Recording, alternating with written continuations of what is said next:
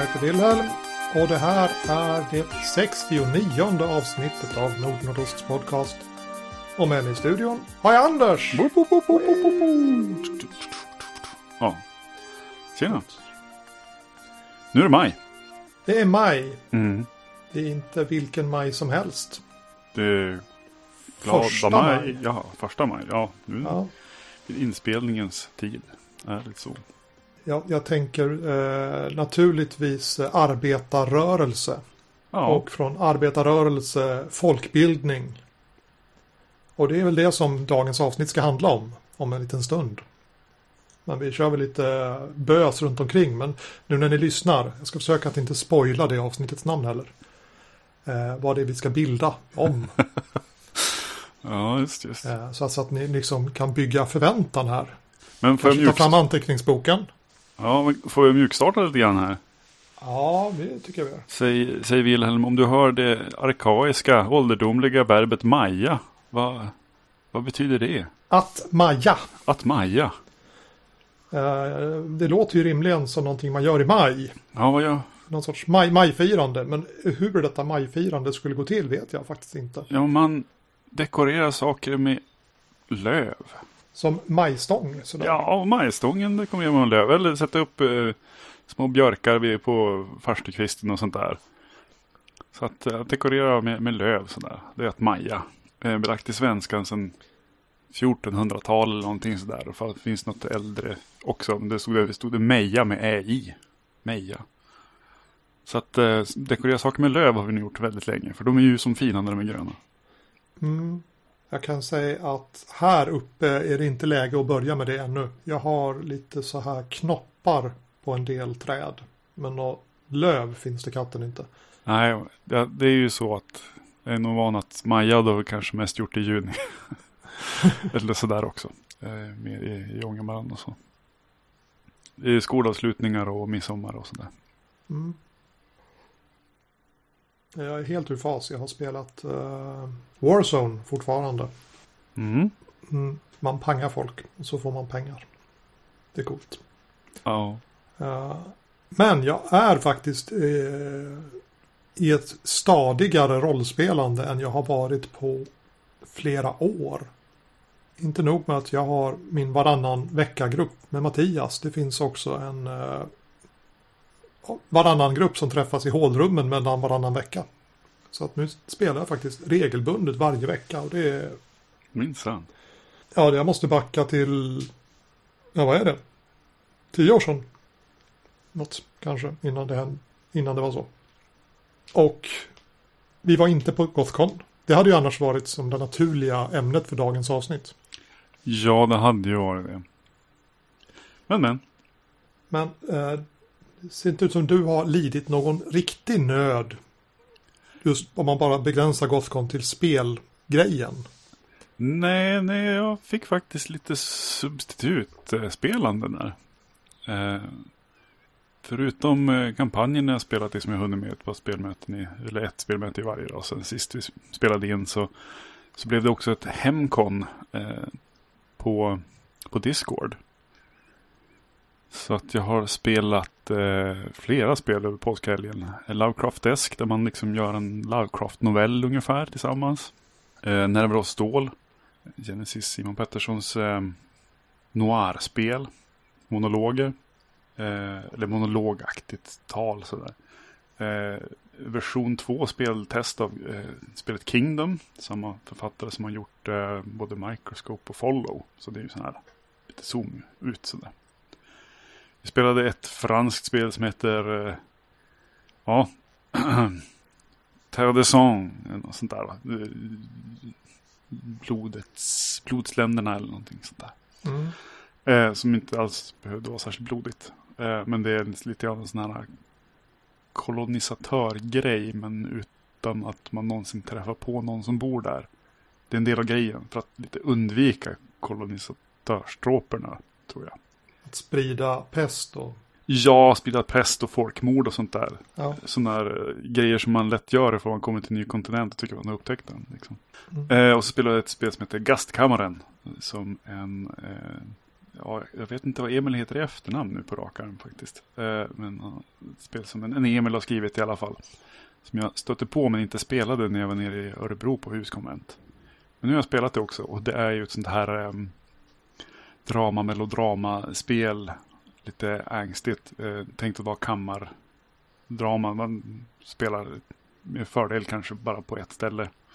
Eh, det finns en, en någonting som är friktionen, någonting som har gjort att vi har hamnat i det här läget vi är i.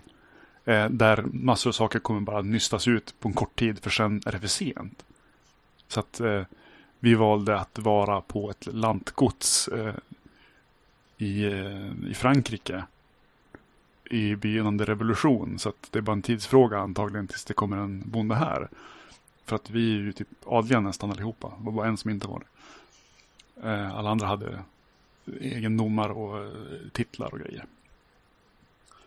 Det blev ett fantastiskt schysst eh, melodrama, kostymdrama får man säga. Vi var inte riktigt så här återhållsamma med, med vart vi var någonstans i slutändan i alla fall. Utan, fast jag hade propsat på att försöka hålla det lite tajt eh, som kammardrama så, så var det ändå jag som spillde över på slutet. Bara, vi går till stallet, oh, vi rider därifrån. och sådana här grejer. Eh, det blev skitschysst. Eh, I spelet så har man eh, livslögner, saker man inbillar sig själv men som inte är sanna. Eh, och de kommer att upp, eh, upptäckas liksom. Och när man avslöjar dem så får man högre status på något vis. Man, man, då har man, genom att kasta ut sin hemlighet så har man liksom bekänt en sak och då har man liksom ett moraliskt, vad ska jag säga, någon sorts socialt övertag just då för att de andra är lite chockerade och så vidare och så vidare. Hur man nu förklarar det liksom. Men så att man är kraftigare i, i en konflikt mot någon annan då.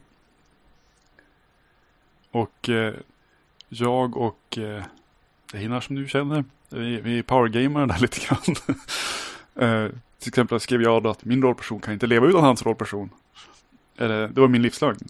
Eller kan leva utan hans rollperson, ja. Det var min livslögn. Så att vi, hade, vi, vi, liksom, eh, vi liksom gjort en setup på det där. Så att det var ganska uppenbart att det kommer antagligen komma en kärlekshistoria ur det här.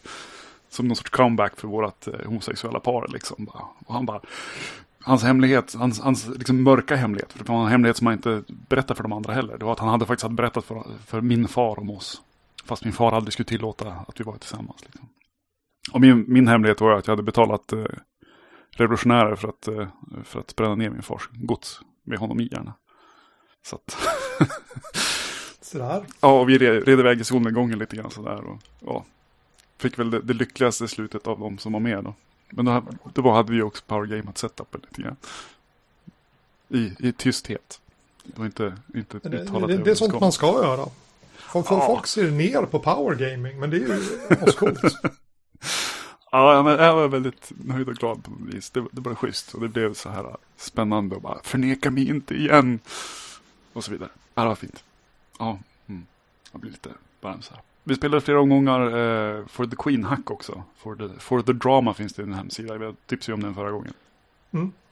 Länkad i show notes. Länkad i show notes, precis. Och eh, då kan, från den så kan jag då rekommendera For the Crown som har lite mer i rollspelselement och Zombie Apocalypse som jag tyckte var riktigt bra också. Eh, den kändes faktiskt absolut, många av de här känns ju som man vill spela rollspel efteråt. Zombie Apocalypse var en sån också. De två tyckte jag var särskilt, särskilt bra. Funkar jättebra att spela dem där över, över Discord och sånt där. I och med att alla kan logga in på samma hemsida och köra. Zombies vill inte dö.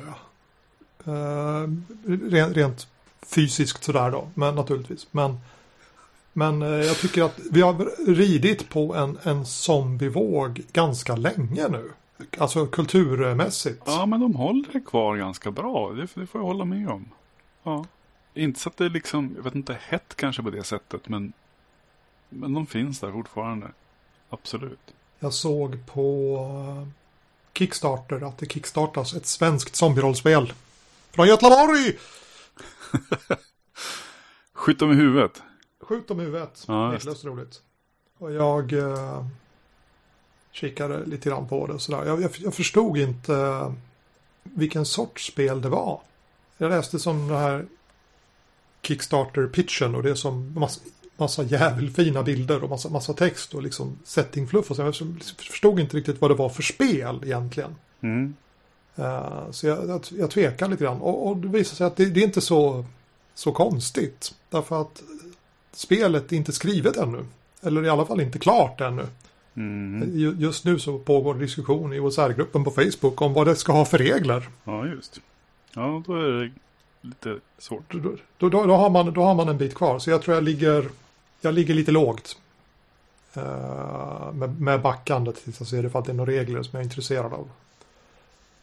Mm. För bara, bara zombisar har jag ju Zombie Cinema och det är ju världens bästa finska zombiefilmsrollspel. Det är ju det. Så att min, min, min personliga zombiesamling är ganska full redan. Men, men ja, ett bra spel är ju alltid ett bra spel. Så att, Men du, är Zombie Cinema riktigt out of print nu? Du har gått att få tag på några ströexemplar tycker jag här och där. Men eh, nu kanske det oj, ser ut som nu tror du. jag har varit och tittat på Arkenstones sida. För inte sådär jättelänge sedan och då fanns det. Men det kanske har hänt precis Ja, nu. men från dem då kanske det funkar. Ja, det för Nyling hade exemplar, ursäkta, exemplar i Sverige. Mm. Men de verkar vara borta. Ja, för jag tänker att det blir ju lite sådär. Om, om, om Zombie Cinema blir oköpbart. Måste, måste någon, någon ut något annat i, som fyller, fyller den, den här instegsnischen, eller jag på att säga. Ja. Är Inte zombie-nischen nödvändigtvis, men just den här. äh, Det blir ju lite grann som- som... Eero hade ju tänkt sig det som ett lite grann ett tutorial game. Det är allas Mm. ansvar att, att, det blir, att vi har kul. Alltså har vi ingen, ingen spelledare och vi måste tjabba med varandra i början eh, och sedan, sedan kan vi slåss mot zombies. Liksom. Det var ju eh, riktigt långt gångna diskussioner om att Wilhelms Games skulle ge ut Zombie Cinema Mhm. på svenska. Jag hade rättigheter och allt. Tidsbegränsade sådana som jag inte utnyttjade i tid. Eh, det är det här med att trycka spel med kort. Ja, precis. Jag har ju gjo- gjort den dansen med uh, Totus of Verona. Och ja, det är ett jättefint spel. Eh, men i små serier vart det, ja, det tro, tokigt dyrt att göra små serier av spel med kort i. Mm. Och Zombie Cinema utan kort är ju inte riktigt... Ja, ja, ja. det går. Det går. Det skulle nog funka ändå också. Men, men det är ju lite schysst det där med att ta kort och skicka vidare och byta och sådär. Det är lite taktil början där och det, är väldigt, det sparar ju tid att inte behöva anteckna någonting när man Ja, kör igång. Visst, visst är det så. Mm. Uh, coolt! Men har du spelat någonting? Det har jag För- faktiskt för, gjort. Förutom att du har spelat mer stadigt än, än sådär så, så vad har du spelat nu då? Så Jag det- är uh, spelledare i uh, Frankenstein-rollspelet uh, Maskros. Mm. Och jag tror vi berörde det som hastigast i förra avsnittet. Jo, det är i alla fall Burning Empires spelvärld. Det vill säga i en annan galax i eh, rymden så står människorna inför ett hot därför att det är en sån här järnparasit som tar sig in i folks skallar och byter om dem till sin egen kultur. Och det där eh, body snatcher scenariot har då Mm. spårat ur fullständigt så att de har börjat ta över galaxen. Så människorna är i ett krig mot en typ osynlig fiende. Och spelet handlar alltid då, eller Burning Empires handlar om en värld där det finns som mysiga, tab inte tabeller, det är som eh, listor att välja från. Man slumpar inte på det utan man Mm. väljer något från den här listan. Liksom. Så vi har då byggt ihop vår, eh, vår värld med det otroligt klichéartade namnet Janus. Därför att den ligger låst i sin omloppsbana runt sin sol så att ena sidan är alltid varm och den andra alltid kall. Och i bandet mellan dessa så lever människorna då i den beboliga zonen. Mm. Äh, Det passar bra. Jag, Ja, ja men det passar bra men, jag, men vi är inte först. Vi är inte Nej, först. men skits, Nej. skitsamma. Men, men, men Vem eh, fan- Vem fan är tråper, först, höll jag på att säga. tråper är ju bra av en anledning. Det är därför de blir tråper. Därför att de går att återanvända. Och det är som genväg till bra, färdigtänkta tankar. Eh, och det är en värld som faktiskt var i krig med de här maskarna för några, några generationer sedan. Som de då vann eh, till ett fruktansvärt pris att samhället slogs eh, i nästan sönder och samman och nu eh, dyrkar man den här generalen som ledde försvarsansträngningarna Oh. nästan som en gud och hans ättlingar är kungar och drottningar på tronen av Janus. När vi kommer in i handlingen så är det den fjärde i ordningen ligger för döden och den femte eh, som är en rollperson då står inför eh, står precis och eh, bara väntar på att sista andetaget ska tas så att han kan bli kung av Janus. Just. Det, det säger ju lite grann om vad det är för gubbar man spelar i det här spelet. Det är som i Burning Empires. Man spelar ju movers and shakers of society. Typ generaler och faktiska planethärskaren och påven och sådär. Så folk som har Mm. rejält med resurser. Och vi spelar då det fast vi spelar med ökenrosregler. Så vi, eller ja, Solar System. Mm. Nå, nå, någonstans däremellan. Vi har, när jag gjorde ökenros så skalade jag ju bort mycket av reglerna som finns i Solar System. Alltså specialregler för hur man angriper folks egenskaper och sånt där. Hur man hjälper till i strider och sånt där. Det är bortskalat. Och de har vi inte lagt tillbaka så att vi spelar med ökenrosreglerna. Mm. Eh, och det är ja, så jävla problematisk setup. Lite sådär i förbigående så sa vi att vår, vår största exportvara är eh, lågkvalificerad arbetskraft. Som det så fint uttrycks i, i, eh, i boken då. Oh, shit. Eh, och och ja, vi, vi liksom, det var i slutet på spelvakarprocessen. Vi hade ju tänkt ganska mycket på den här fantasifulla geologin och sådär. Så att Ja. så började vi tänka, men vad betyder det där lågkvalificerad arbetskraft egentligen? Bara, är, det slavhandel vi håller på med? Bara, ja, Ja. kan, kan, kanske är sådär. Nej, usch. Ja, men då visade det sig att ekonomin vart ju ru, i ruiner då. Så att det var många som eh, blev skuldsatta. Så att vi har något så här engelskt system där man... eh, Skuldslavar. Ja. Skuldslavar, precis. Ja. Så att det är, pågår eh, köp. Adeln köper och säljer kontrakten då, eller skuldsedlar hos eh, befolkningen. Och är inte främmande för att sälja dessa kontrakt till eh, eh, utomvärldslingar. Eller folk från andra världar. Så att det har i praktiken blivit en eh, exportvara att exportera slavar. Yeah. Ja, yeah! Och då skruvade vi lite grann på oss då. Sen så insåg vi att ja, men och, och rollpersonerna då. Det är Det är folk som äger sådana kontrakt. det är sådana som äger sådana kontrakt. Jajamensan, det är som sagt den blivande kungen Mm. och eh, förste inkvisitorn i eh, den här eh, religionen, förfäderdyrkan där av den, den store generalen, den store ledaren. Det är huvudpersonerna och sen så finns det då eh, efter mönstret i Burning Empires då lika många viktiga spelledarpersoner som det finns viktiga rollpersoner. Mhm. Så att eh, jag som spelledare har, har då två rollpersoner för att, för att det ska vara jämnt så att säga då. Där den ena är en, eh, en skurkaktig badhusägare. eh, och det här badhuset är eh, så här eh, plats dit eh, noblessen går för att eh, ha sina dekadenta fester fulla med utsvävningar och kränkningar. Ja, det, det låter eh, precis som att spela in a wicked age. Så länge. Ja, just den grejen. Ja, fortsätt. Och han är då tillika ledare för en eh, kettisk kult.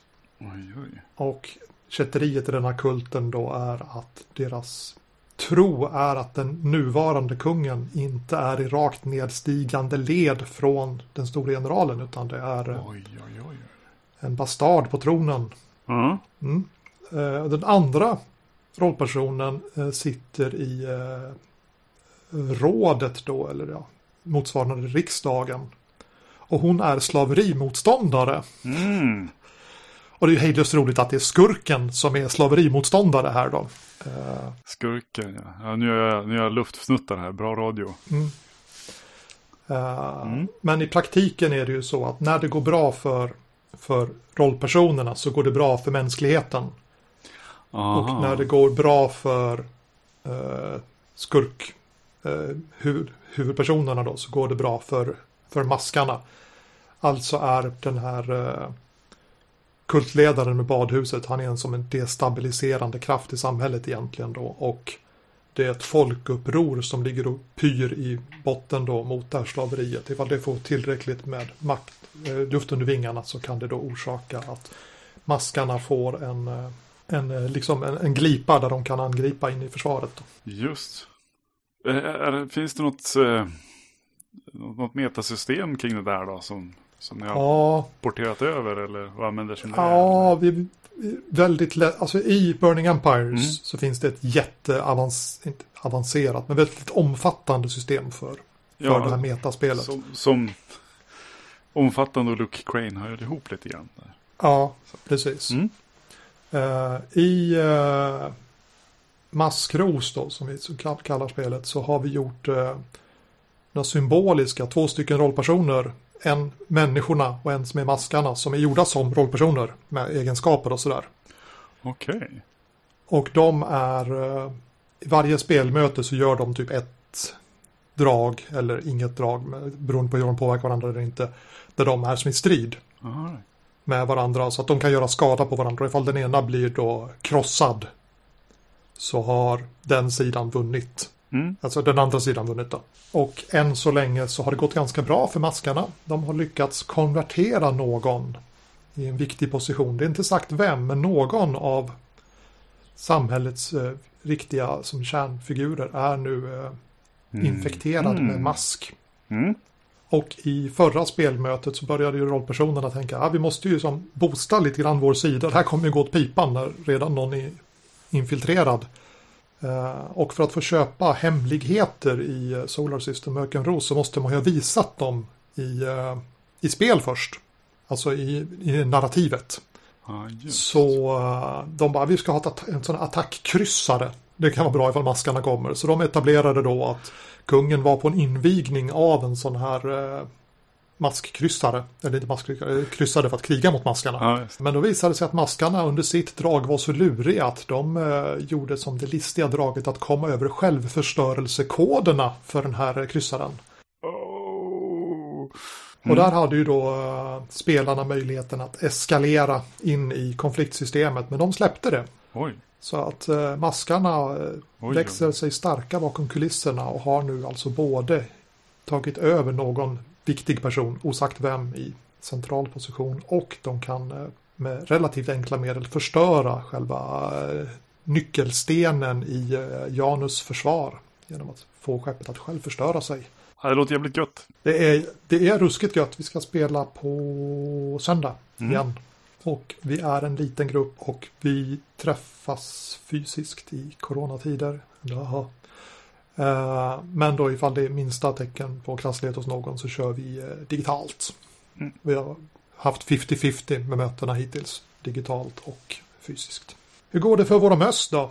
I Mouseguard? Jo, eh, vi eh, hamnade på ett lite ovanligt eh, äventyr senast.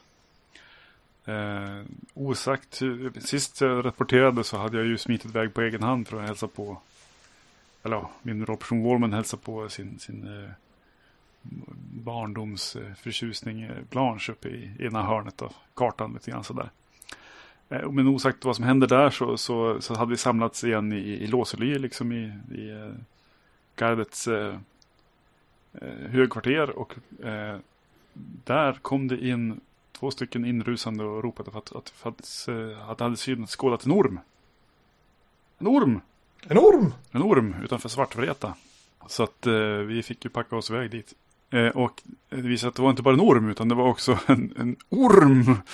Eh, för eh, någon hade ju, ja, enligt uppgift då blivit ihjälbiten av ormen. Men vi tittade på liket och ett, ett sår var ju gjort före döden och ett, ett var gjort efter döden. Kunde vi lista ut. Eh, så att någon hade blivit mördad. En arkivarie som jobbar på ett arkiv i Svartvreta. Och eh, var ganska ny där. Och hade pratat intresserat och, och eh, nyfiket om, om vesslorna. Vesslekrigen är ju en grej som nyss har varit i, vår ambition eh, om Ausgard. Så att det är ju färskt minne. Eh, och den här arkivarien hade blivit eh, mördad. Hemmet var genomsökt. Eh, och vi måste ju fundera på vem, vem har gjort någonting och varför liksom. Samtidigt har vi en orm. Eh, och eh, våran, vårt patrullbefäl eh, är ju en gammal eh, gråpäls som heter Brand. Och han bara, ja det värsta som kan hända nu då? Det värsta som kan hända är att det kommer en orm här och äter upp alla i stan. Så vi måste ta ormen först. Och så kollar vi, kollar vi liksom eh, mordgåtan lite grann och så sticker vi iväg och så basically retar vi rätt på ormen och bara slår ihjäl. ganska kaxigt för att vara möss. Eh, och, men det gick, det gick. Vi har en, eh, en i gruppen, eh, hon heter Ivy och är lite ambitiös och vill liksom visa sig och bli befordrad. När vi hade vinterspelmötet sist, då man blir befordrad, om man ska bli befordrad, så var det min mus som blev befordrad. Som inte hade försökt visa framfötterna egentligen. Men som hela tiden håller på att kolla efter, efter att, att skydda folk så mycket som möjligt och ha liksom in, egna, egna intressen som ligger väldigt i linje med gardets intressen om vi säger så. Eh, och Ivy är, är en, har ju typ fem i krigare liksom. Eh, fem tärningar är ganska bra i, i Mousegard kan vi säga. Mm. Eh, så att eh, med, eh, med henne i spetsen så, så kunde vi dunka på den där ormen. Det är inte så att det kändes ofarligt men vi hade jäkla tur med, med att välja taktikkort mot, mot den och sådär. Eh, sen beger vi oss tillbaka och eh, följer upp den där utredningen och, och det visade sig att eh, arkivariens granne hade sett någonting och så kan vi prata med den som han hade sett och, och, och upptäcka att det var någonting och, och den som vi hade misstänkt från början som ty vi tyckte verkade lite skum sådär visade sig vara lite skum och så vidare. Men, men nu står vi här med att någon har blivit mördad. Det har pratats om vesslor och eh, en, en rådsmedlem har alltså betalat eh, för att den här eh, arkivarien skulle eh, röjas ur vägen. Men vi vet inte om eh, rådsmedlemmen på allvar gjort det för att hon trodde att han kollaborerade med vesslorna. Så att har hon gjort det med gott uppsåt så att säga. Eller har hon gjort det för att han var någonting på spåren? Det vet vi inte. Och lite sådär. Så att vi har ju, vi har ju liksom det här har ju bubblat lite grann i bakgrunden. För vi, i tidigare spelmöten har vi, har vi hamnat i tunnlar där det var några banditer som höll till. Men det var gamla västertunnlar liksom. Och de var ju plomberade liksom efter kriget. Så att det har ju liksom kommit så här lite metaplott så här strösslat lite grann eftersom. Och nu, nu börjar det kännas som att nu bara blåser den upp i ansiktet på oss. Nu, nu är det allvar liksom. Så att eh, ganska fränt faktiskt, måste jag säga. Ja. Coolt. Ja, ja men det är gött. Mm, ja, nu, nu känner jag att nu börjar det som tända till här. Ja, ja. ja det, och lite jobbigt. Och första gången vi satt i slut av spelmötet var förvirrade på vad ska vi spela vidare på det där eller inte? Jag bara, nej jag vet inte. De här måste vi lämna över till myndigheter. Vi har ju ingen, vi har ingen eh, makt att bestämma i staden liksom.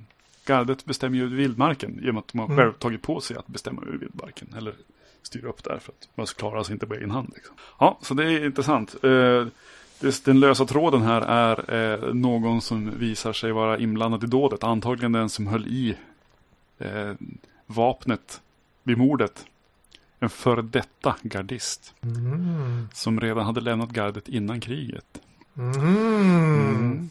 Så att eh, henne måste vi få tag på. Och se, se vad vi kan få reda på. För att eh, ja, här, här är det någonting alltså som är på gång.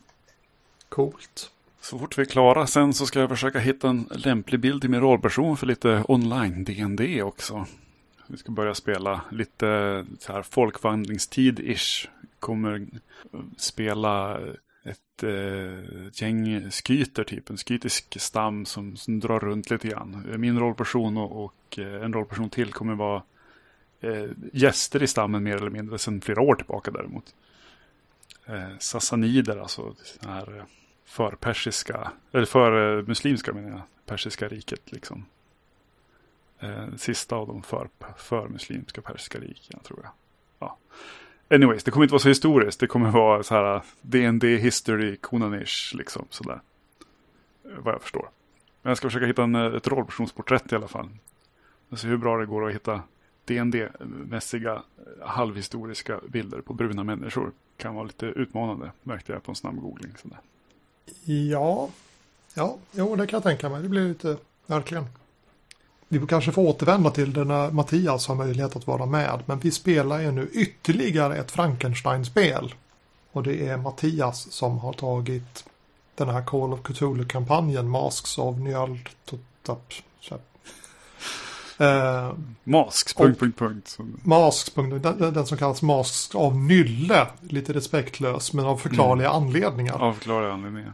Och, och, inte ska blandas ihop med Masks med superhjältespelet som jag spelade här om året. Mm, precis. Mm. Och han är ju eh, helt begeistrad eh, är han i detta. Så han, han kör alltså detta klassiska Call of Cthulhu scenario med QF-regler. Och det sätt det blir ju lite annorlunda perspektiv på tillvaron då. Ja, verkligen. Därför att eh, Call of Cthulhu-rollpersonerna de är ju vanligt folk eller ja, eh, universitetsprofessorer och gamla militärveteraner då, men eh, som vill undersöka mystiska händelser utan att råka se för mycket för då blir man tokig och Mhm. dör. Liksom. Jämfört med eh, kufarna i kuf som också vill som undersöka saker men de vill, Bada i det. de vill bada i det. Eh, alltså ja, de, de, det finns ju skräckregler i eh, kuf också så att man får vara lite försiktig med hur fort man badar men det är inte i allmänhet inte lika permanenta bekymmer som i eh, som i Call of. Man kan återhämta sig lättare i kuf än man kan i Call of i alla fall.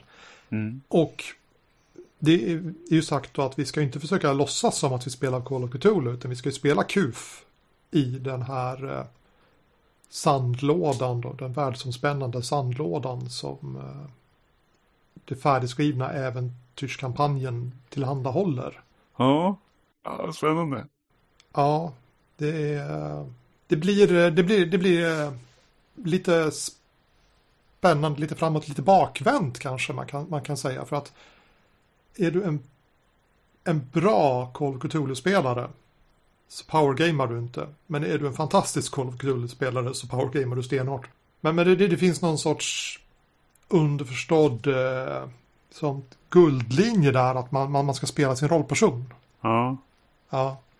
Eh, och KUF dras ju inte med den belastningen för att det är ju ett eh, player skill-spel. Ja, vi rollspelar ju också lite grann sådär. Men, men det är ju verkligen att det är spelarna som ställs inför utmaningar, inte att man ska ha rätt färdighet i rätt tillfälle och lyckas med procentslaget sådär. Utan en bra KUF-spelare lyckas ju liksom förklara sina handlingar på ett sånt bra sätt att man inte behöver slå några tärningar. För slår man tärningar så kan man ju fumla och det är fruktansvärt dåligt. Mhm. Så att man försöker liksom narrera sig runt att behöva slå tärningar medan man i Call of Cthulhu så som vi har spelat i alla fall så är det att slå tärningarna, slå sitt investigate, slå library use och sådär. Det är en del av grejen. Det är som, så vi vet att vi bra, en bra rollperson har höga färdighetsvärden sådär. Medan man i QF inte är riktigt lika straffad om man har en citattecken dålig gubbe. Därför att egentligen så är det du som spelare som är grejen och din rollperson är bara en spelpjäs eller en pinne som du petar i kampanjen med. Ja, jag kikade på starten när det finns en, början på en, en kröniketråd på rolls.nu.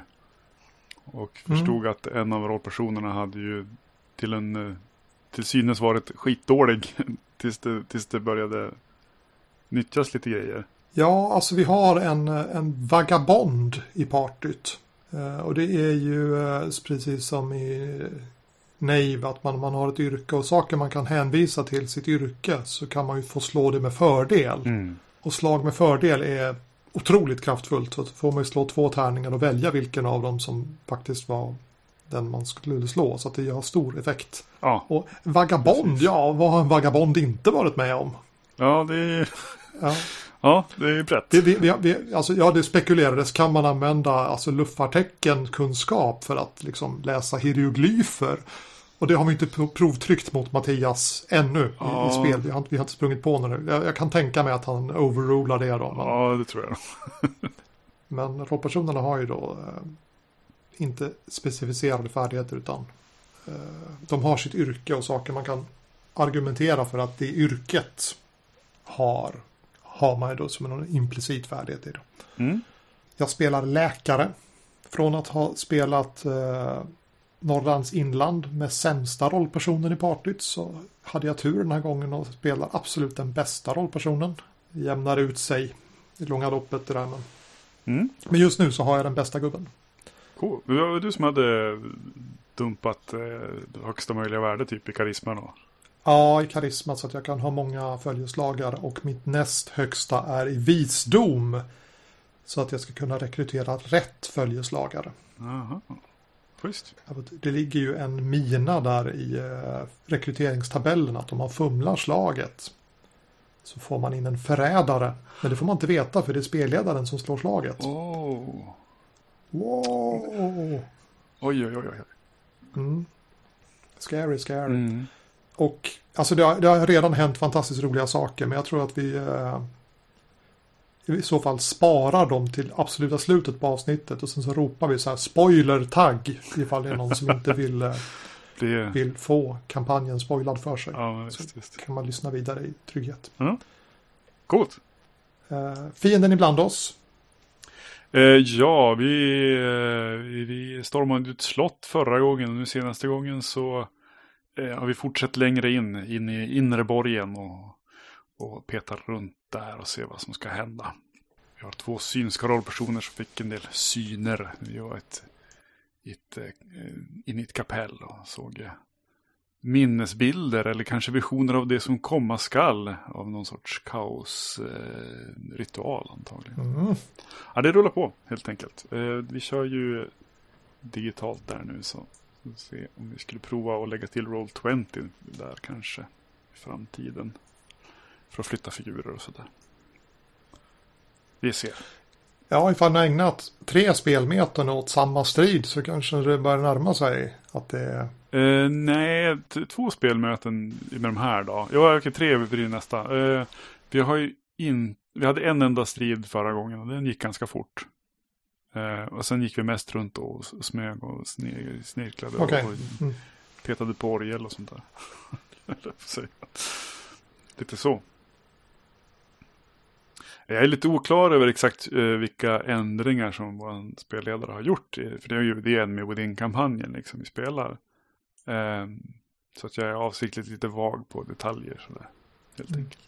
Coolt, men det är allt jag har spelat. Mm. Ja, men jag har fått med mitt också tror jag. det. Mm. Då så. Eh, avsnittets ämne, folkbildning. Folkbildning. Ska, ska, du, ska du eh, få din hjärtefråga av hjärtat direkt nu medan vi fortfarande pratar om fienden ibland Ja, oss? just ja, just ja. vi, kommer att, eh, vi kommer att ge oss in att prata om, om två stora spel i Sverige. Eh, och eh, ibland så råder det förvirring kring förkortningar. Och när det gäller att prata nu, fienden bland oss nyss nu så var det Warhammer va? Och Warhammer Fantasy Roleplay har ju en, en given förkortning som är WFRP. Och en del skriver WFRPG och det är ju bara fel. Ja, Bara så ni vet. Utan det ska vara fyra, fyra bokstäver. Och det som ställer till förvirring kanske är det här att, att eh, figurspelet kör ju med WHFB, mm. va? Warhammer Fantasy Battle. Så ibland så blir det lite varianter och sånt där. Men eh, WFRP är det som gäller. Warhammer Fantasy Role Play. Och eh, lite upprinnelsen till detta ämne är alltså att eh, under samma vecka har, har Wilhelm stött på någon som skrev DOD och menade Dungeons and Dragons. Och jag pratade med någon som pratade om Drakar och Demoner men skrev DND. Så att ja en, om, Ja. en omväxling i förkortningarna. Och detta är alltså ett återkommande, en återkommande källa till förvirring. På alla forum. Så jag, jag hoppas nu, eftersom nu alla Sveriges rollspelare lyssnar på Nordnordost. Alla 15, 20, Alla, fem, 20, alla, fem, 40 alla, alla, alla, alla, alla 20 som spelar rollspel i Sverige lyssnar också på Nordnordost. Ja, det var någonting sånt. Ja, något sånt. Mm. Eh, vi, vi ska nu då säga hur man gör. Och, och så kommer vi överens om att vi gör så här från nu. Och all tid framöver. Ja, strålande. Ja. Mm. Drakar och demoner. Det svenska eh, undret. Det, det är arv på vilket hela vår hobby vilar. Ja. eh, det, Mm. Denna skatt eh, kom 1982. Mm. Det blir viktigt senare. Och på boken så står det drakar och demoner. Och är utskrivet med bokstäverna OCH. Den rimliga förkortningen är därför DOD. David, Olof, David. Dodd. Mm. Eh, detta håller i sig till och med version 91. Står fortfarande drakar och demoner. Detta är eh, den, den goda och positiva eran. och vi pausar där tänker jag och så går vi in och, eh, och, och pratar om, om vad som sker i resten av världen under den här perioden. Fram till 91 alltså. Ja, eh, fram till 91. Till exempel i USA 1974 Mm. då det kommer ut ett rollspel som heter Dungeons and Dragons. Men istället för att skriva ut and så använder man det tecknet som på svenska heter ett tecken eller och-tecken och på engelska ampersand. Det är som Mm. en uh, hungrig åtta.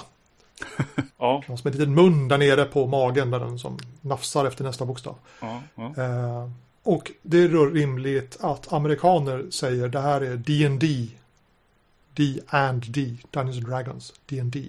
Och här eh, skriver man då fortfarande Dungeons and Dragons med och-tecken hela tiden. Det första jag hittar att det står David och en sån där ampersand eller och-tecken och D. Det är på Players Handbook från eh, 78. Men alltså 80-talets, eller eh, 70-talet, är alltså decenniet innan Drakar och Demoner ens blir påtänkt i Sverige.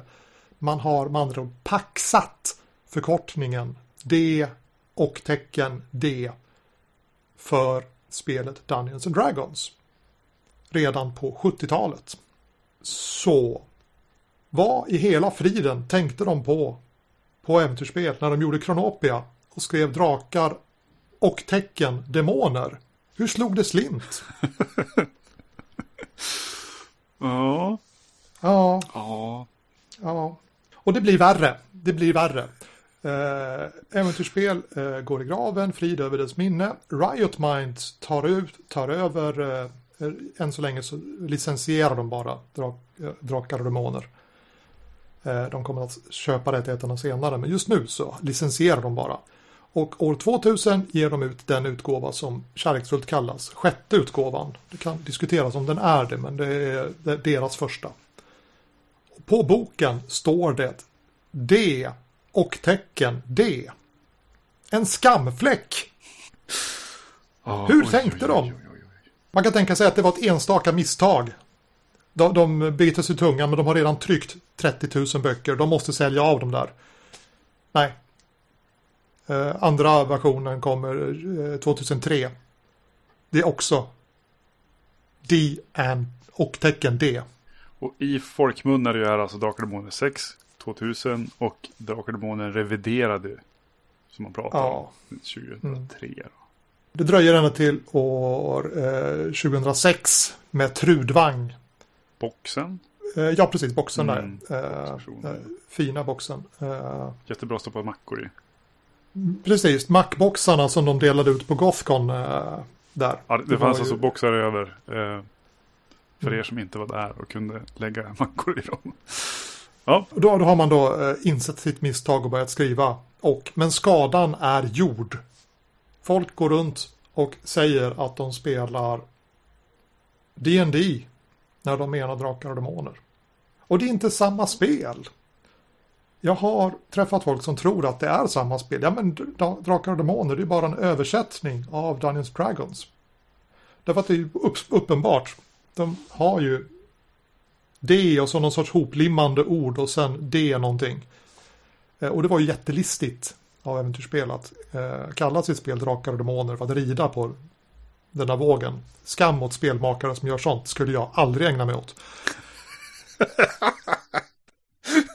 Eh, nej precis, precis. Nej, precis. Eh, Men, men, men, men det var gjort. Men de ha- hade i alla fall anständigheten att skriva och Mm. i början. Då. Det förkortas då D och D. Och Dungeons and Dragons förkortas D, ampersand, D. Det är inte samma spel, de har olika regler. Spelar man dem så kommer man att märka att de inte är regelkompatibla. Vill man spela äventyr från det ena med det andra eller flytta rollpersoner så är det en himla massa konvertering man måste göra. Ja, men visst. Ytterligare villfarelse som jag tänkte ta ur världen är då, eh, som jag har hört i verkligheten. Eh, Dungeons and Dragons är inte en översättning av det svenska Drakar och Demoner. Drakar och Demoner var inte först. Nej, så var det inte. Tittar man på deras arv så har de egentligen ett ganska, eh, ganska suddigt, eh, en ganska suddig länk mellan sig. Det är ganska många steg däremellan. Jag skulle inte säga att de är i rakt nedstigande led. Det finns folk som har spelat D&D på svenska. Och det gavs faktiskt ut Dungeons and Dragons på svenska. Och på den så stod det då, hör och häpna, D ampersand D på boxen. D&D, det stod på boxen sådär till och med. Mm. Det här är D&D på svenska för den som är nyfiken. Titan Games, fantastisk fin och trevlig översättning. Jag var, jag var tvungen att få vädra. Jag blev upprörd. Ett ögonblick. Nu har jag svenska Dungeons and Dragons eh, häften i, i mina händer här. Det står ju mycket riktigt D ampersand D. Drak eh, huvud ampersand. Dungeons and Dragons, ett sagorollspel. Eh, kom ut 1986 på svenska. Och det är Basic Dungeons and Dragons från 1983 alltså, som har översatts. Jag vet inte liksom om det fanns något annat. En, en kul sak med den här utgåvan är att det finns ett solospel för att spela liksom, för att lära sig reglerna. Eh, som var med då 83. Eh, att solospela lite grann för att lära sig reglerna dyker upp i Drakar och Måner sen också. Eh, från och med version 2.85 tror jag. Minns inte. Och undrar så flundra, är de först med att lägga in ett solospel i Dungeons and Dragons då? Eller har någon annan gjort det någon annanstans på något mer obskyrt ställe? Vet ej. Det kan man eh, undersöka om man är tillräckligt nördig. Eller om man är så pass nördig så man redan vet detta så får man gärna hojta till mig och säga om man har sett det någon annanstans ännu tidigare än i Basic Dungeons and Dragons från 1983. Också kallad Mentzer-utgåvan. För det är ju massa sådana här hemskheter som börjar också när man börjar grotta ner sig i de här. Det är att Dungeons Dragons är ju inte bara ett spel heller, utan det är ganska många spel i det här laget. Med två linjer och sådär. Både Advanced-serien liksom som leder fram till 50-utgåvan som är den populära nu. Och den här Basic-linjen som är grunden för väldigt mycket av OSR-spelandet. Det är ofta de här enklare versionerna man väljer, inte, inte Advanced uh, Dungeons Dragons. Uh, ja, det är ju uh, hej, hej, hejdlöst roligt att det, det som kallas uh, första utgåvan av Dungeons Dragons är då First Edition. Mm. Det, det, är inte den, den första versionen av spelet utan det är den första versionen av Advanced Dungeons and Dragons. För det är den linjen som vi ser idag. Mm. Advanced Dungeons and Dragons, Advanced Dungeons and Dragons First Edition och Advanced Dungeons and Dragons Second Edition. Sen kommer Dungeons and Dragons Third Edition. Uh, och då släpper man Advanced prefixet där för att man, man, man dräper den gamla Basic-linjen. Ja, precis. Men egentligen, egentligen så borde de heta Advanced Dungeons and Dragons Third, Advanced Dungeons and Dragons Fourth, Advanced Dungeons and Dragons Fifth. Ja, typ så. Ja. Eh, de gav ju också ut eh, till femte den här eh, gratis-samlingen med regler som är liksom basic. Basic rules eller något sånt där. Så att det, det finns ju en flört tillbaka till arvet liksom sådär.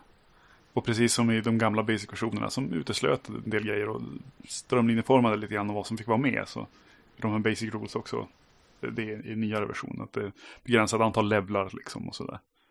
Och kanske inte alla val av folkslag och sånt där man kan spela och sånt lite mer kokat sådär.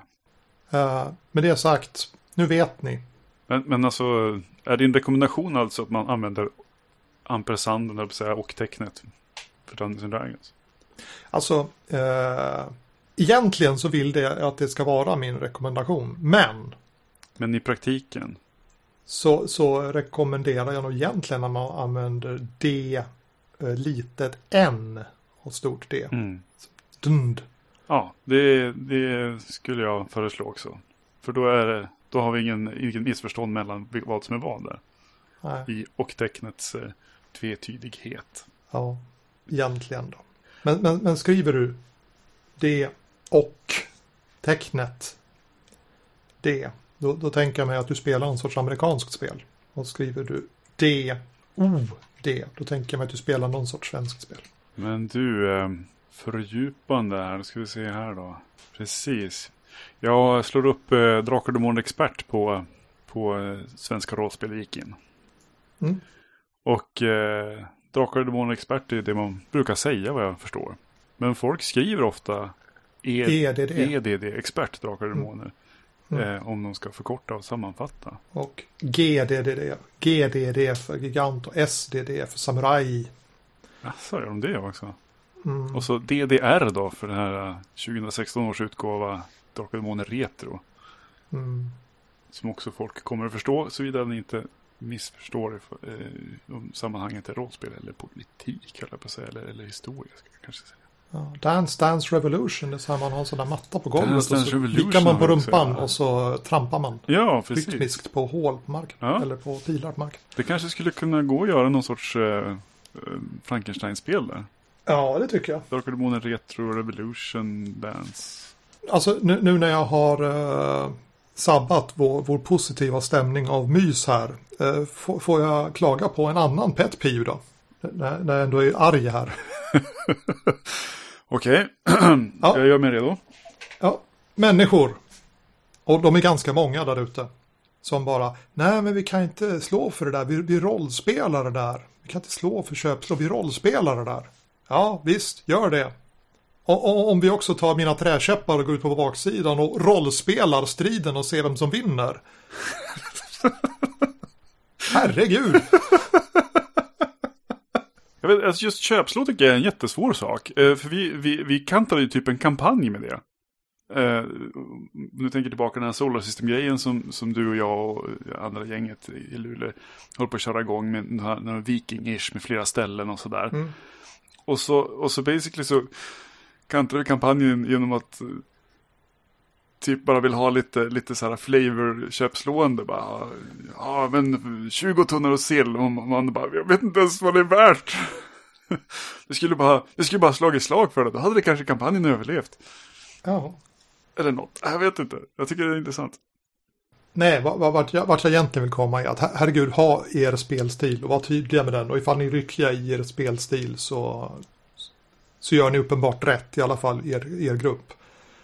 Men det är inte ett självklart val att man rollspelar alla sociala situationer och använder eh, figurspelsregler för att spela stridssituationer. Det är inte så att stridsreglerna är eh, Eh, en självklarhet eller unika. Det är inte se världen större, upptäck coola sätt att spela. Pratade faktiskt på eh, Rollspel.nus eh, Discord-kanal, typ Småpraten eller på säga, brålådan. Häromdagen om stridssystem och, och sånt där. Och någonstans så, så glider jag ju iväg till att tänka på den här omgången av Wicked Archipelago när jag, när jag plankade den gamla animen Eiko. Eh, har jag för mig det i alla fall. För att i typ hela serien springer runt med några jättestora konstiga armband på sig. Och det visar sig att det här är kraftdämpare. Så att eh, jag tar och gör min förkämpe för staden till att hon går runt med, med några jättestora armband på sig sådär. Och sen, sen eh, när i slutet då när, när det dyker upp någon armé så bara dumpa kraftarmbanden, ta mig an armén på egen hand. Och eftersom det inte finns några värden i det här spelet utan det bara det jag säger, det är antingen är det så eller så, eller så är det försök på ett annat sätt. I och med att det finns fraser för att moderera liksom och justera det som förs in i spelet i Arkipelago. Så, så kan jag vara liksom 100% eh, 100% eh, narrativ, liksom, 100% fiktion i att ah, men de här grejerna, de, de, de har dämpat min kraft hela tiden Det är därför vi har kunnat slåss jämbördig fot ungefär. Men nu när armén kommer, då, dumpar jag dem. Och istället för att eh, rulla, eh, för att eh, träffa och göra skada så blir det basically bara, och så, och så håller jag dem på stången och så får någon se om någon säger emot. Säger att det kanske inte går så lätt, det kanske ska dras kort för det där eller, Mm. eller någonting sånt där. Och någonstans så är det så himla gött. Tänkte på det här förut när vi pratade om eh, setupen för Maskros-spelet. Att det är listor men inte att slå på utan att välja ifrån. Mm. Och eh, det är vi bekanta från, eh, från till exempel eh, okult och sånt där. Att, eh, att eh, låta någon välja kan absolut vara en form av slump på sätt, sätt, på sätt och vis. Det kan fortfarande vara överraskande vad man får och sådär. Verkligen. Så att, eh, att bara sitta och bestämma sig för hur man vill ha det funkar ganska bra i rätt sammanhang. Mm. Vill man spela OSR blir det jättekonstigt. Ja, det tror jag nog att det blir. Ja, det, det funkar liksom inget bra med det här. Det här med det, här med det osäkra utforskandet och, och kämpandet mot överväldigande odds på något vis. Och man bara, nej men jag väljer att jag träffar nu. Eh, Men, men, men det är ju lite grann så. Ja, men jag, jag, jag, jag, jag korsar vägen. Ja, men det... Ja, du sa att du gjorde det, alltså gjorde du det. Och Mm. är spelledaren som skeptisk. Ah, du blir överkörd av en vagn. Då kan eh, spelaren säga, ah, men jag kanske gör ett save då för att se. Det är motsvarande där, alltså i OSR och Dungeons and Dragons och liknande. Det är ju samma sak där. Allt, allt du säger är ju faktiskt det som händer tills någon säger, ah, men du, det där ska du nog slå tärningar för ändå du. Mm. Vi hade, ja, det är inte helt helt otänkbart att man hamnar i någon sorts stridssituation och kommer på en eh, medvetslös fiende. Ja, ah, men jag Coupe de Grace för honom då. Utan att slå. Även i stridssituationer går det att bara berätta. Coolt. Har vi något mer vi ska prata om i det här avsnittet? Oj, har vi något mer vi ska prata om i det här avsnittet? Har vi tid kvar? Ja, det är kring timmes sträckor på inspelningen här så att... Eh, ja. Det är ungefär vad vi har tänkt oss tipsat, nej det har vi inte gjort. Vi kan väl nämna det. Det är ju ganska många spel och saker som är gratis just nu. Som en liten plåster typ på att sitta hemma och läsa. Eh, jag har inte en, en lista i bakfickan. Men eh, är man intresserad av sånt så håll eh, kork, korpgluggarna öppna och kika. Eh, vi kanske kan bjuda på någon, eh, några tips eh, i show notes. Show notes. Mm. Coolt. Avsnittet slut. Ska jag ha uh, Play Report? Som är spoiler för uh, Call of Cthulhu-äventyret. Masks of New... ja, ja, ja. Ja, ja, ja, ja. Tydligen, så där vi började, började kampanjen förr i tiden. Mm. Sen så gjordes det en ny utgåva och då lades det till ett prequel-äventyr där man skulle bli kompis med en viktig SLP. Eh, det har vi skippat. Vi hoppar över det. Vi etablerar ni världens bästa kompisar med den här viktiga SLPn. Ja. Eh, och han heter Jackson Elias. Och han är tydligen en, en trop i sig själv på något vis. Det finns en podcast som heter Good Friends of Jackson Elias där de pratar Call of Cthulhu. Aha. Mm. Eh, jag visste inte vem man var. Det här grejen hade inte sipprat ut till mig. Men när vi blev presenterade. Det finns en spelledarperson som heter Jackson Elias. Jag bara, aha, från ja. podcasten. Ja, det vet jag. Mm. Ja, just, just. Bra podcastnamn då. Väldigt internt. Men, ja. ja. Uh, han är någon sorts, uh, vad heter det? Uh, journalist och murvel sådär. Han uh, mm -hmm. åker runt i världen, hittar övernaturliga saker och sen som någon sån här X-Files eh, Scully så förklarar han bort dem med eh, rationella argument. Ja, just. Mm. eh, och, och det har han, han har gett ut flera böcker på det här området. Men han, han kontaktar rollpersonerna och vill att de ska ta sig till New York för han har lite saker som han vill prata med dem om. Och eftersom det är etablerat att man är bästa kompis med honom så drar ju naturligtvis rollpersonerna dit varifrån de är nära världen. Så spelet börjar i New York. Mm. Då, för vår del. Eh, vi tar in på ett hotell. Det är då jag, eh, en, en vildmarksdoktor med en eh, så här John Wayne-gevär i under rocken. Jag kan så här. det är en, en godsägare, bonde, sådär. Det, det stod bonde i uh, yrkestabellen, men vi konstaterade att det skulle lika gärna kunna vara en godsägare som man har lite pengar. Bara, ja, det skulle det kunna vara, så här godsägare då. Och så den här uh, vagabonddamen uh, som då drog nitlotten och slog vagabond. Är det partyts sämsta rollperson med ett eh, totalt statsvärde av nio. Det är då useless. Eh, vi tar in på ett hotell. Eh, storbonden betalar Då får vi ett eh, telefonsamtal från vår gode vän eh, Jackson Elias. Han bara, ja, jag behöver prata med er, det är någonting viktigt jag måste säga. Vi bara, ja, vi kommer direkt. Han bara, ah, ja, jag har lite saker jag måste göra så här, vi kanske kan ses vid åtta vid mitt hotell. Ikväll då. Och vi bara, ja, ja, det blir bra. Och eh, klangen från att vi släppt telefonluren har inte liksom tystnat i lokalen innan vi kastar oss in i en droska och drar till hans hotell. För folk som säger eh, jag har viktiga saker att berätta för er. Jag tänker inte ta det nu, jag tar det sen. De blir mördade. De blir mördade. Och vi spelar inte Call of Cthulhu-rollpersoner, vi spelar kufar. Och kufar, det innehåller liksom ett, ett ett visst mått av medvetet metaspelande. Och det är en del av grejen, liksom, av kampanjen, eller av spelstilen. Eh, så vi, vi, vi, bara släpper allt droska, eh, bryter trafikreglerna, drar till hotellet. Två rollpersonerna går upp för, eh, vi vet vilket eh, rum han har, det har han ju sagt i telefonen då. Så tar trappan, eh, jag tar hissen så att vi säkert ska, inte ska missa liksom någon som är på väg från hans rum, inte missa mördaren liksom. Eh, vi vi hyr rummet bredvid också för säkerhets skull. På vägen där. Och de som tar trappan är först upp och de hör som lite ynkliga ljud inifrån rummet. Jag tänker, herregud, här är brottet på gång liksom.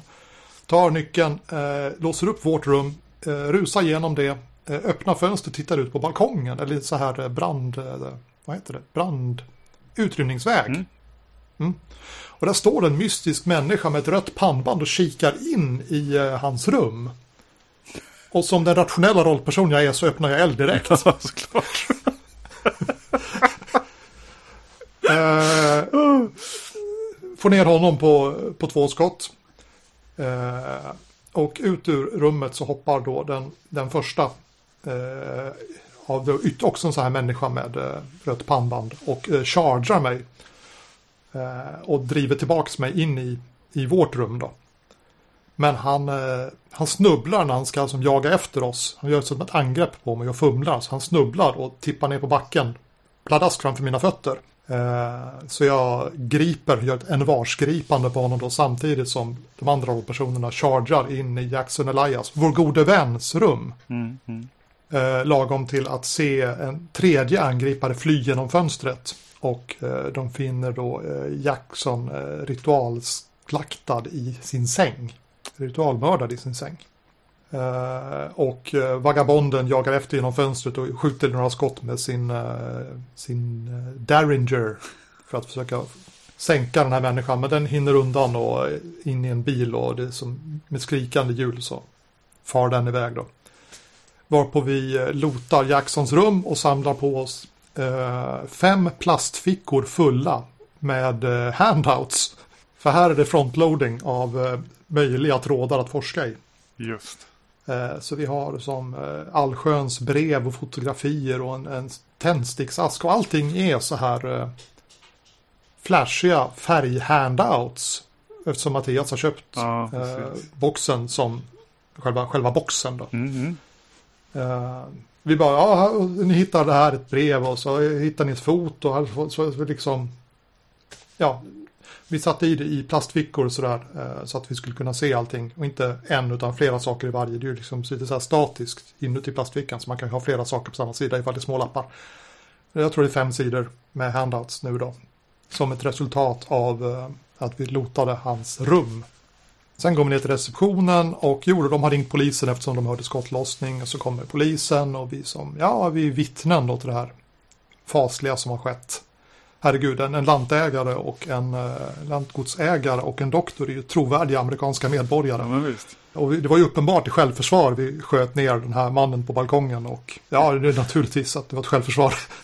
Ja, Och ja, vi har ju då den här vagabonden som är en ganska crappy rollperson. Så vi måste ju hitta henchar. Och sen kan vi offra vagabonden och så får eh, spelaren ta över en, eh, en av hencharna då. Så vi måste rekrytera lite henchar. mm. Eh, så under förhöret så börjar jag eh, sätta in skärmkampanjen på den här eh, poliskonstapeln. Som håller förhöret. med, hopp, med hopp om att vi, vi, vi under nästa spelmöte ska kunna bjuda med honom på en mutmiddag så att jag kan slå rekryteringslaget med fördel. Eh, sen i down, eh, ja just. Äventyret är inte tänkt att det ska vara så. Rollpersonen ska snällt vänta på sitt hotellrum till klockan åtta och sen så åka och hitta Jackson död. Ja, Ja, ja. precis. Eh, men kufar gör inte sånt. Så eh, Mattias var ganska sådär uppjagad när vi, va? Jaha, ni åker direkt? Ja, det är klart att ni gör det. Han insåg ju att vad han hade skrivit under på att vi skulle spela. Ja, Att vi precis. skulle spela eh, QFOSR med en ganska tunn fjärde vägg. Men, men fick ni tag på någonting mer än vad ni skulle ha gjort då, förutom att ni såg de som gjorde dådet liksom och fick tag på en? För handoutsen skulle ha funnits där i alla fall antar jag. Ja, handoutsen skulle funnits i alla fall. Jag, jag vet inte ifall han som flyttade det här mordet i tiden eller ifall han eh, lät dem bara, alltså att lät oss gripa dem. För att nu har vi, vi, eller polisen har ju faktiskt gripit två stycken av de här som vi hoppas kunna förhöra Ja, precis. Ja, ja, han har ju en... Eh, två trådar på rollspel.nu. En regeltråd där han har förklarat hur man eh, statskonverterar mellan Call of Cthulhu och KUF. Mm. Eh, och en tråd där han har börjat den här Actual Play eh, Report. Med, med spoilers utifrån sitt spelledarperspektiv. Då. Ja, jag sätter länkar i show notes. Mm. Och där, där kommer det säkert att framgå i mer detalj vilka eftergifter han var tvungen att göra för att eh, rädda upp äventyret. Men han, han nickade och sa att ja, hade, hade ni räddat eh, er gode vän Jackson Elias så hade ju hela kampanjen bara försvunnit därför att hela, hela poängen med den är ju att man bryter sig in där, han är död och man försöker reda ut mordet och så dras man in i den här eh, röran av händelser. Ja, kan det gå. Så kan det gå. Hejdlöst roligt. Jag ser eh, fram emot nästa spelpass.